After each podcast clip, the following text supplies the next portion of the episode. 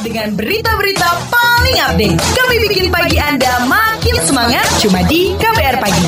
WhatsApp Indonesia kali ini kita awali dari Jakarta, di mana Kementerian Agama mengusulkan 25 persen dari 10 ribu kuota tambahan calon jemaah haji 2019 dialokasikan untuk lansia.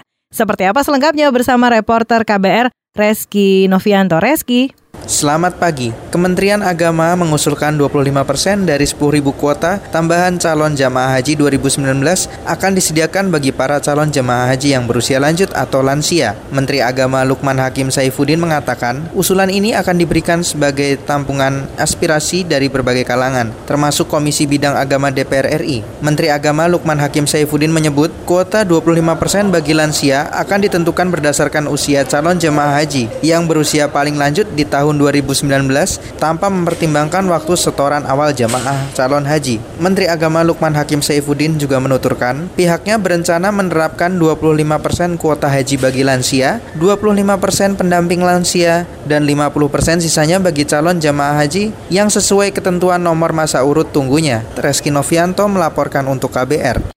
Baiklah dari Jakarta kita menuju ke Mataram NTB. Ombudsman NTB meminta Pemda untuk memenuhi hak penyandang disabilitas. Selengkapnya bersama kontributor KBR Zainuddin Syafari. Selamat pagi Zainuddin. Selamat pagi. Ombudsman Perwakilan NTB meminta agar Pemprov NTB dan Pemda Kabupaten Kota untuk memenuhi hak-hak penyandang disabilitas dari sejumlah aspek yang menyangkut pelayanan publik. Karena berdasarkan hasil survei yang dilakukan Ombudsman, Pemda sejauh ini belum memenuhi standar pelayanan untuk kelompok yang berkebutuhan khusus atau disabilitas. Asisten Ombudsman Perwakilan NTB, Yudi Darmadi, kemarin mengatakan semua kelompok masyarakat harus mampu mengakses pelayanan publik dengan baik. Terlebih, konsep pembangunan yang inklusif menjadi tujuan utama pemerintah saat ini. Sesuai dengan Undang-Undang Nomor 8 2016 tentang disabilitas, pemerintah berkewajiban menyediakan sarana dan prasarana untuk kelompok disabilitas yang sesuai dengan kebutuhannya. Jumlah penyandang disabilitas di Provinsi NTB sekitar 21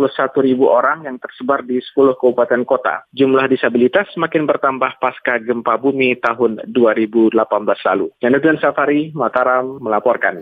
Baik, terima kasih Zainuddin Safari. Dan terakhir kita ke Purwokerto.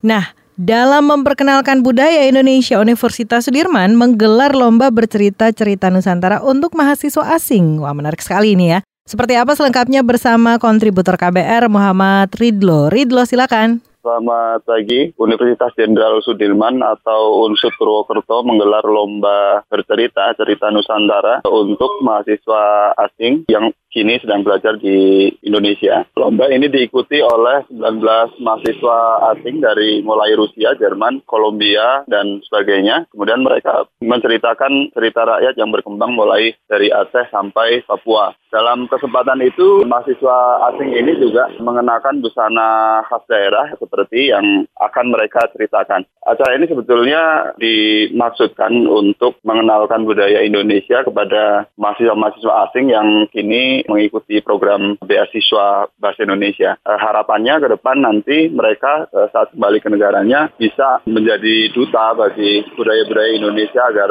lebih dikenal luas di dunia. Demikian laporan Muhammad Ridho dari Purwokerto untuk KBR.